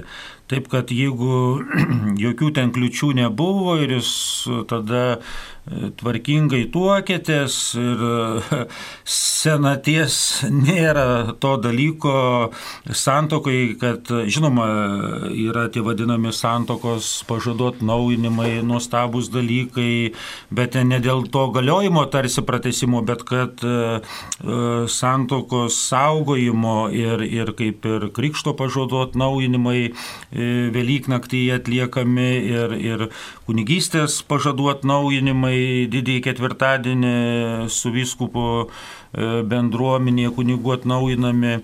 Taip kad e, ar prieš 60 metų tuokėtės, ar, ar, ar mažiau, būkit ramus, visi, kurie sudarė tuo metu teisėtą ir galiojančią santoką, visuomet galiojanti iki vieno iš sutoktinių mirties. Jeigu bažnytinė santoka buvo paskelbta negaliojančia, ar galima sudaryti kitą santoką apribojimų neuždėta? Tai be abejo. Taip, jeigu paskelbta negaliojančia, tikrai kreipkitės į savo parapijos kunigą ir sudarysite santoką, tik tai reikia apie tai informuoti, kad Taip. mes buvom anksčiau susituokę ir santoka paskelbta negaliojanti.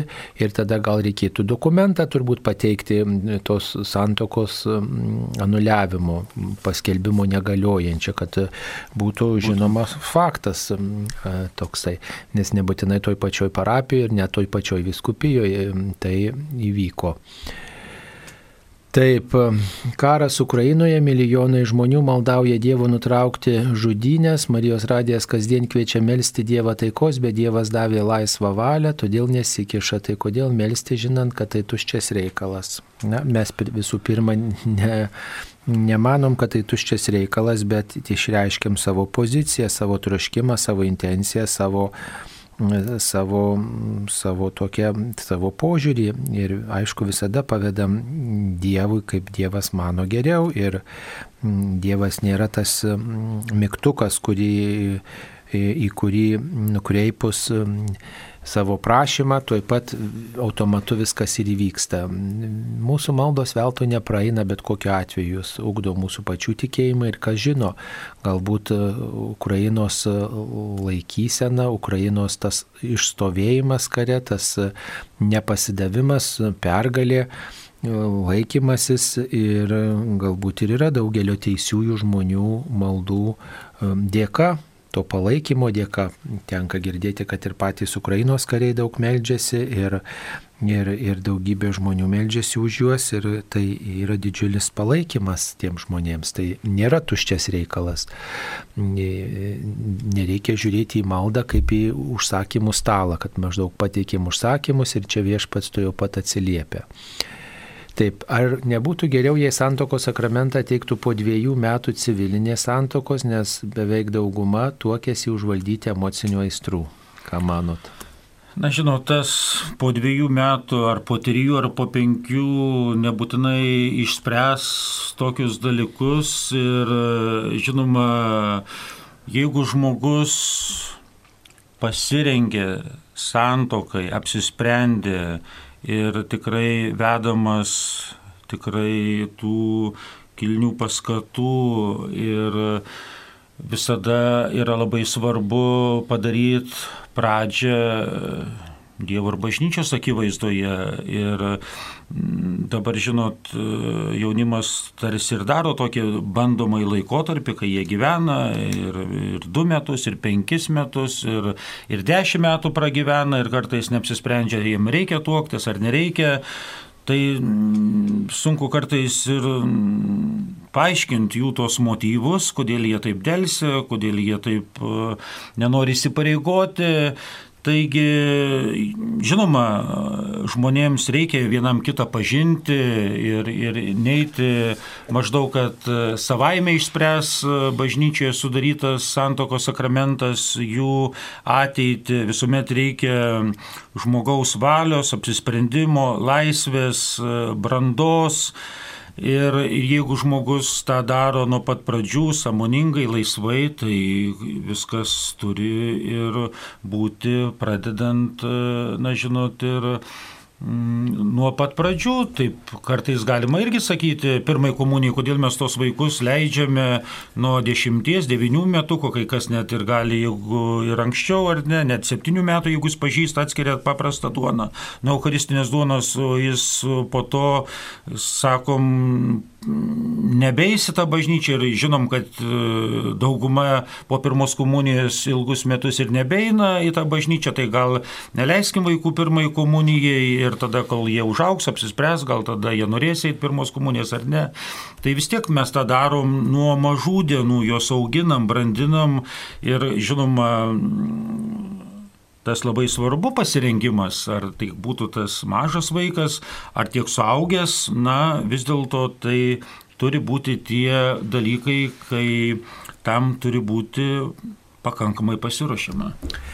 Taip, dar viena žinutė. Susitokėm sovietmečių be jokių kursų, nebuvau skaičiusi Biblijos, kur parašyta nevilkite svetimo jungo su netikinčiais. Vyras krikštytas, bet netiki Kristų.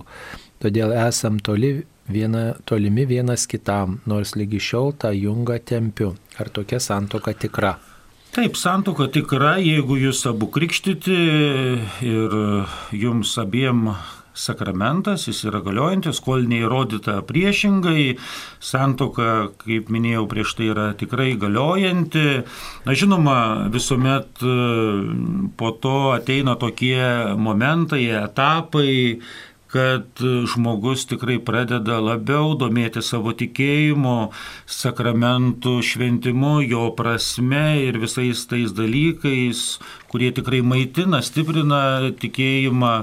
Ir žmogus tikrai atranda ir Bibliją, šventąją raštą, prieiškimą, gilina tos tikėjimo dalykus ir jis suvokia, kad tikrai tuo metu maža buvo to tikėjimo, bet e, jeigu tai buvo daroma tikėjimo valios aktu, laisvai, samoningai, apsisprendžiant tikrai ta jūsų santoka yra tikra ir nereikia abejoti, o visada yra proga mm, rasti tą kelią iš naujo į Kristų, į Dievą ir, ir aukti tame pažymė, pažinime, tame tikėjime. Ir tikrai nuostabu girdėti, kad jūs iš tiesų atrandate tą pažinimą ir meilę Dievui.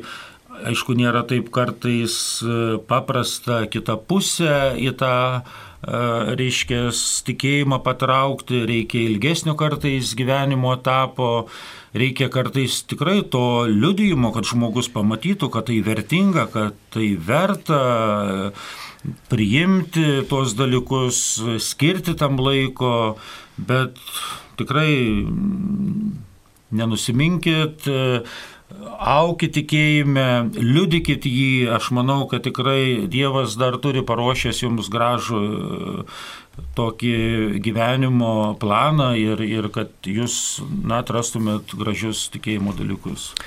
Visada, žinokit, tam netikinčiam žmogui, kuris e, yra netikintis arba visai e, nutolęs nuo tikėjimo, nors ir pakrikštytas kažkada buvo, visada grėsia tikėjimas. Dievas kažkuriuo momentu gali jį tikrai pasigauti, gali jį paliesti ir toks žmogus gali labai greitai pasivyti net ir uoliausią tikinti mm, šeimos narį arba net ir jį pralenkti. Tai mm, turėkim vilties ir mm, malda ir gerumas čia yra labai reikalingi, ta kantrybė tikinčio žmogaus, kad duoti tokį artimo meilės pavyzdį.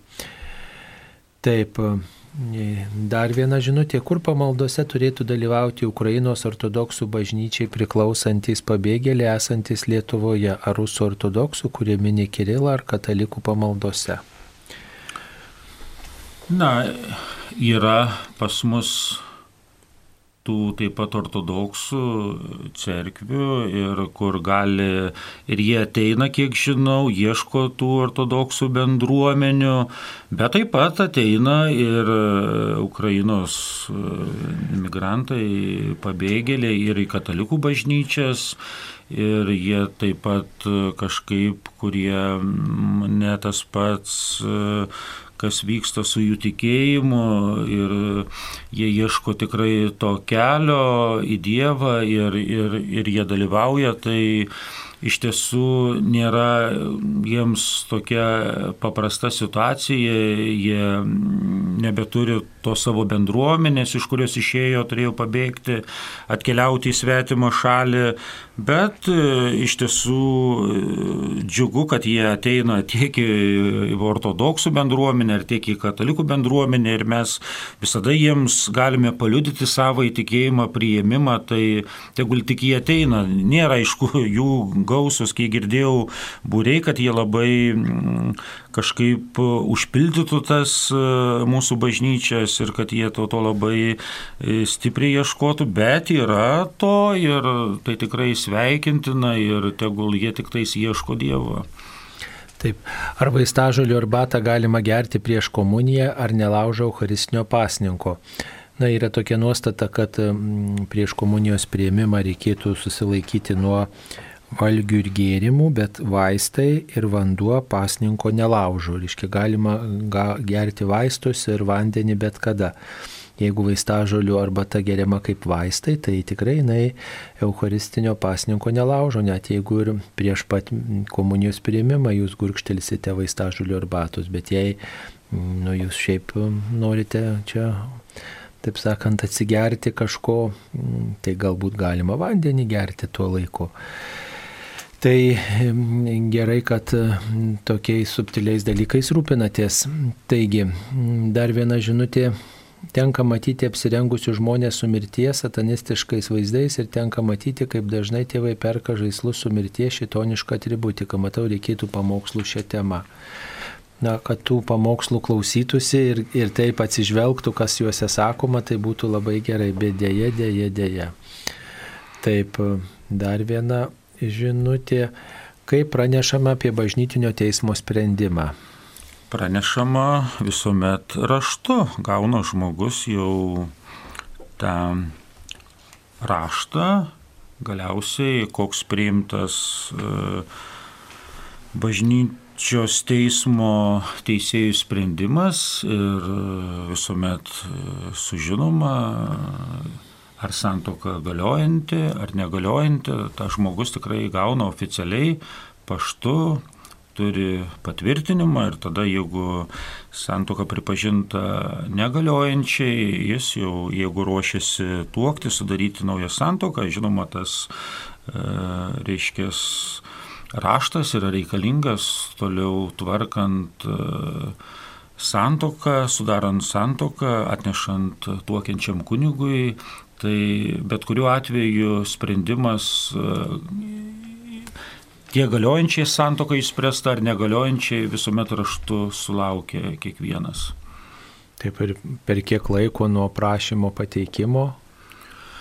Įprasta nuo prašymo pateikimo, kad e, kažkur apie metus laiko būtų išspręsta jų byla, nebent ten būtų apeliacija, būtų, žinot, nesutikimai ir, ir, ir prieštaravimai, ar ten dar nauji papildomi įrodymai, bet jeigu ten kažkokių nėra tokių ypatingų prieš priešų ir kanoninių bylų e, procesų eina normaliai ta byla, tai įprasta apie metus laiko ji yra užlaikoma bažnytinėme teisme.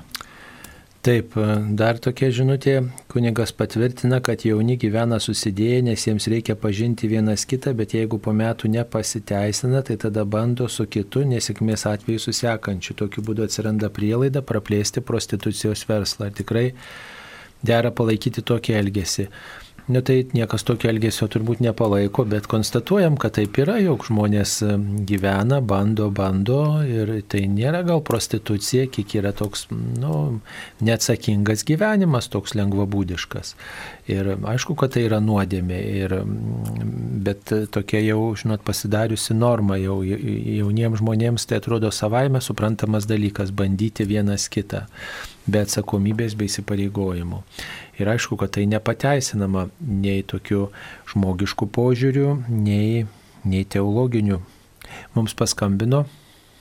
Aldona iš Utenos. Taip, Aldona, klauskite. Garbė Jėzui Kristui, klebonė. Per amžius.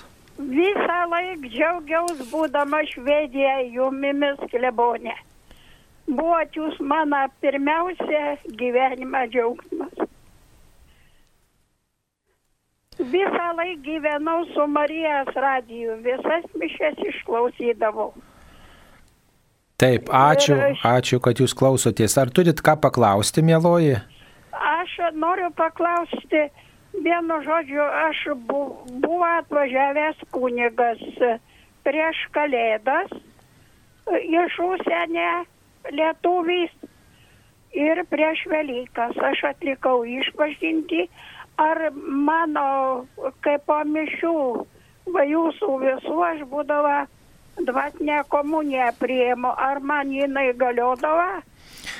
Visada galioja, e, dvasinė komunija visada galioja, net jei žmogus ir netlikęs iš pažinties, visada galioja, mes tik tai e, galime ir, ir mišių metu, ir ne mišių metu, e, tik tai tai reikia, nu, tokį troškimą sužadinti savo širdį vienyti su Kristumi ir troškimą vengti, vengti bet kokių nuodėmių, o, o tikrai jinai visada galioja, dvasinė komunija. Na va, tai tikrai gerai, kad jūs prieimė, dabar stenkitės e, progai pasitaikius visada priimti ir tą Eucharistinę komuniją tokiu realiu pavydalu bažnyčiose, ypatingai dabar, kaip tuo pribojimu nėra nieko, pasinaudokim tą galimybę, ar kad artimieji nuvežtų jūs į bažnyčią, ar pati nu- nukeliausit, o jeigu sveikata neleidžia, tai bent jau retkarčiais pasikviesti kunigą į namus, arba kaip dabar yra tie Eucharistijos dalintojai pasauliečiai, kurie praėję kursus ir, ir apmokyti, atneša net pasauliečiai komuniją ligonėms, tai tikrai reikėtų va šitoj vietoje stiprinti mm, e, tą tokią pastoraciją, kad tikrai net ir sergantis vyresni žmonės nebūtų e, sekmadienį be švenčiausio sakramento, be Eucharistijos ir kad e, tikrai ar kunigas, ar, ar, ar įgalioti pasauliečiai galėtų atnešti švenčiausiai sakramentą tiems, kas mm, to pagristai e, nori. Taip, ačiū, kad klausotės mūsų. Ir dar viena žinutė, kaip suprasti, aš ir tėvas esame viena lygus, o kitur tėvas aukštesnis už mane. Mes ypatingai šią savaitę girdime mišiuose iš Jono Evangelijos skaitinius apie tą Jėzaus kalbėjimą kaip trejybinį santykį preiškianti Ir Jonas evangelistas ypatingai yra toks teologas, jis ypatingai tą tokį pabrėžia e, buvimą e, tėvą, sūnų, šventąją dvasę, globėją ir tai, ką kalba, kad e, aš ir tėvas esame viena. E, tas taip pat pasakymas, kad tėvas už mane aukštesnis ir visa kita, tai nereiškia, kad Jėzus būtų e, žemesnis kažkoks dievas, atskiras dievas. Tai yra tikrai tokia Jono evangelisto teologinė kalba, kuri tą išryškina trejybės santyki ir ypatingai švenčiausios trejybės veikimą ir tą akivaizdą išryškina Jono Evangelija. Ir mes žinome, kad tiek tėvas, tiek sunus, tiek šventoji dvasia yra viena ir sudaro vieną trejybėje Dievą ir kartais tu, tie išraiškos būdai tai tik pasako, kad tie asmenys veikia vienas kitame ir kartais atrodytų kaip teisingiau, kai irgi, kad šventajame rašte kalbama, ar Jėzus prisikėlė, ar buvo tėvo prikeltas, tai kaip čia teisingiau. Ir taip teisingai, ir anaip teisingai, nes kai žinome, kad tai yra švenčiausiosios trejybės atpirkimo darbas, tai vėlgi yra visiškai teisingai kaip ir šeimoje, jeigu sakytų žmona mano čia daiktas ir sakytų mūsų daiktas. ar tą nusavybę. Ir vienai būtų teisinga, ir kitaip teisinga. Ir jai tas priklauso, ir kartu šeimos e, tai yra nusavybė turtas. Tai ir kai Jėzus kalba apie tos santykius, tai jis e, tą pabrėžia buvimą vienas kitame, bet tai nėra tai, kad e, čia kažkoks asmuo sumenkintas ar išaukštintas. Tikrai ne, žinoma, švenčiausios trybės slėpinys, nu jis ypatingas. Ir jo mes neperprasim ne tik čia šioje žemėje, bet ir amžinybėje, mes nesuvoksim, nes esame jo kūriniai to Dievo slėpinio, jo gelmės. Ir iš tiesų mums tą, ką kalba Jėzus ir mes gilinamės, bandome suprasti Dievo žodžius, jie kartais nelengvi mums išsiaiškinti, suvokti, suprasti, bet e, tikrai visą tai, ką bažnyčia skelbia, moko apie švenčiausiai trejybę, kad tai yra lygus asmenis ir jų yra vienumas ir bendrumas ir tas buvimas vienas kitame. Dar vienas klausimas, kaip suprasti, Maltoje popiežius atsisako pagrindinio krikščionybės simbolio kryžiaus. Taigi, Čia toks labai mm, jautrus klausimas ir mm, įvairiai pristatomas. Reikia pasakyti, kad popiežius gavėnios metu e, lankėsi Maltoje mm, ir ten susitiko su įvairiom bendruomenėm, šventė šventasias mišes ir mm, e, tiesiog vienoje mm, scenoje, atrodo, kur turėjo popiežius kalbėti, e, ten buvo atsisakyta tos minties pastatyti kryžių su nukryžiuotoju bet buvo rodos paveikslas su plastiko buteliais jūroje ir, raudo, ir tokios raudonos dėmės, toks atvaizdas buvo. Ir aišku, daugelis, daug krikščionių pasipiktino, kodėl čia nėra kryžiaus, čia popiežius, Kristaus vietininkas ir kodėl vat, yra toks sprendimas. Tai e, paaiškinimas būtų toks, kadangi e, Maltoje yra labai daug emigrantų ir tie emigrantai susiduria su tokiais iššūkiais, jie nuskesta jūroje, jie sunkiai priimami į tuos kraštus, į kuriuos bėga iš savo salų, iš savo šalių. Tai tiesiog popiežius tuo vizitu, be kita ko norėjo atkreipti dėmesį ir į sunkę migrantų padėtį, kurie nebūtinai yra krikščionys, bet kurie yra ir musulmonai. Ir e, siekiant tokio religijų dialogo turbūt buvo pasirinktas toks sprendimas, kuris aišku kai kuriems krikščionėms pasirodė pernelyg skaudus nes ir paštalas Paulius kelbė Kristų nukryžiuotą ir nesigėdijo kryžiaus bet kokiom aplinkybėm. Na bet, žinot, Vatikanas atlieka tokią ne tik tai pastoracinę misiją, ne tik lanko krikščionius, bet taip pat ir tam tikrą diplomatinę misiją, siekia sutaikyti galbūt tautą, sutaikyti žmonės ir tam, kad nebūtų kažkaip paniekinti musulmonai, buvo toks sprendimas matyti priimtas, aišku, gal kai kam jis nepatinka, atrodo toks na, labai neištikimas krikščionybei toks sprendimas, toks Kristaus atsižadėjimas, skaudus, sunkus. Na, vat, bet turim progą, nu, galbūt kitaip pažiūrėti šitą, šitą iššūkį, kad, na, vat, Kristų galima skelbti ne tik tai iškėlus kryžių, bet ir, nu, kalbant apie problemas. Aišku, yra ta ir kita medalio pusė, kad Maltoje taip pat buvo didžiulė tų musulmonų kadaise invazija ir dabar taip pat tenka girdėti, kad ir krikščionys kartais yra iš tų pačių valčių išstumiami dėl to būtent, kad jie yra krikščionys tarp musulmonų, keliaujančių mm, geresnio gyvenimo ieškoti, taip kad nu, toks sunkus, skaudus problemos svarstymas ir, ir, ir klausimas apie ištikimybę, ištikimybę Kristui, ištikimybę kryžiui, savo ženklams.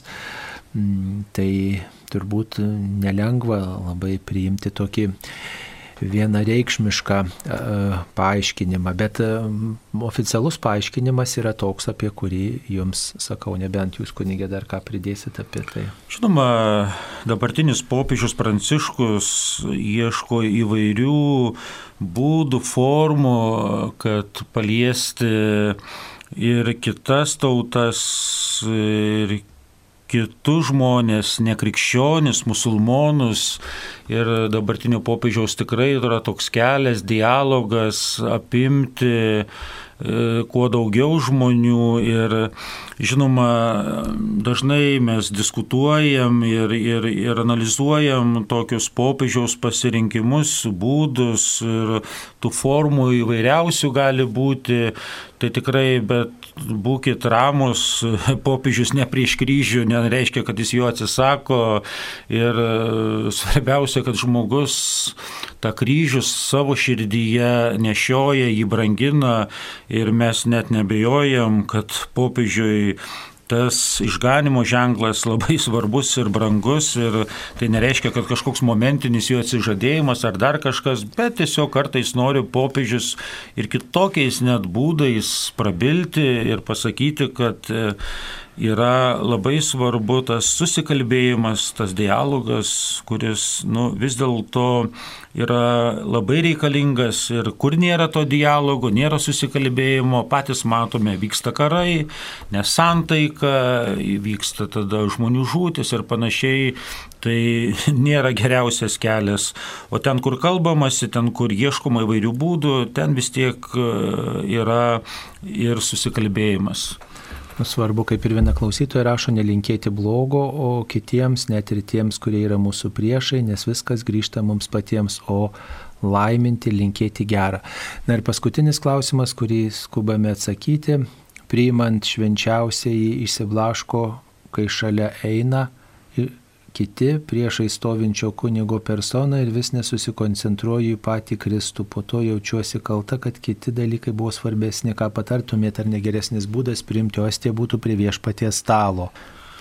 Iš tiesų, žinoma, žmogus maldoj visada tų išgyvena akimirkų, kai jis įsiblaško ir, ir žinoma mes siekiam, kad priimdami, kaip ir sakom, švenčiausiai sakramentą, nepaprastą Dievo dovaną, ypatingą dovaną, norime susikoncentruoti patį Kristų, su juo būti ir mes tada patys tampame tą akimirką tabernakulį, tą viešpaties padangtį ir tiesiog e, visuomet stengiamės išgyventi tą akimirkos svarbumą ir, ir e, tiesiog ką čia patarti, kad tiesiog suvokti iš naujo, suprasti, kad su manim dabar yra pats viešpats, dangaus ir žemės kuriejas ir kad aš prieimęs su juo kalbuosi, dėkoju už tą gyvenimo dovaną, O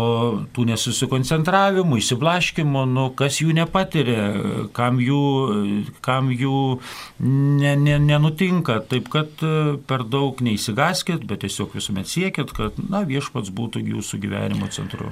Tai e, susikaupimą, tokį susitelkimą galima po to bandyti pasiekti, kai jūs priimate švenčiausiai sakramentą patį Kristų, tuomet e, atsiklaupti, užsimerkti, dėkoti Dievui, viešpatė tu atėjai, tu pasilikai vaikai, nu viešpats tikrai bažnyčioje ne jums vienai teikiamas yra daugybė žmonių ir ten tokio susikoncentravimo, kai dalinama komunija, tikrai nelengva pasiekti ir vargu reikia tiesiog darniai tas apėgas atlikti, o paskui pasilikti ilgiau po komunijos, tyloj, pasilikti po mišių, padėkoti, neskubėti išeiti, va tokiu būdu tam ruoškitės. O mišios nėra tokia um, susikoncentravimo, ramybės malda, tokia, kur nieks neblaško, tikrai žmonės yra visokie ir visokios tos liturgijos būna ir, ir, ir, ir to kunigo laikysenos visokios būna ir įvairių tų kunigų yra ir kažkas trikdo, kažkas erzina, kažkas nepatinka, bet tiesiog virš to pakilti ir žinot, kad Dievas pasirenka žmonės,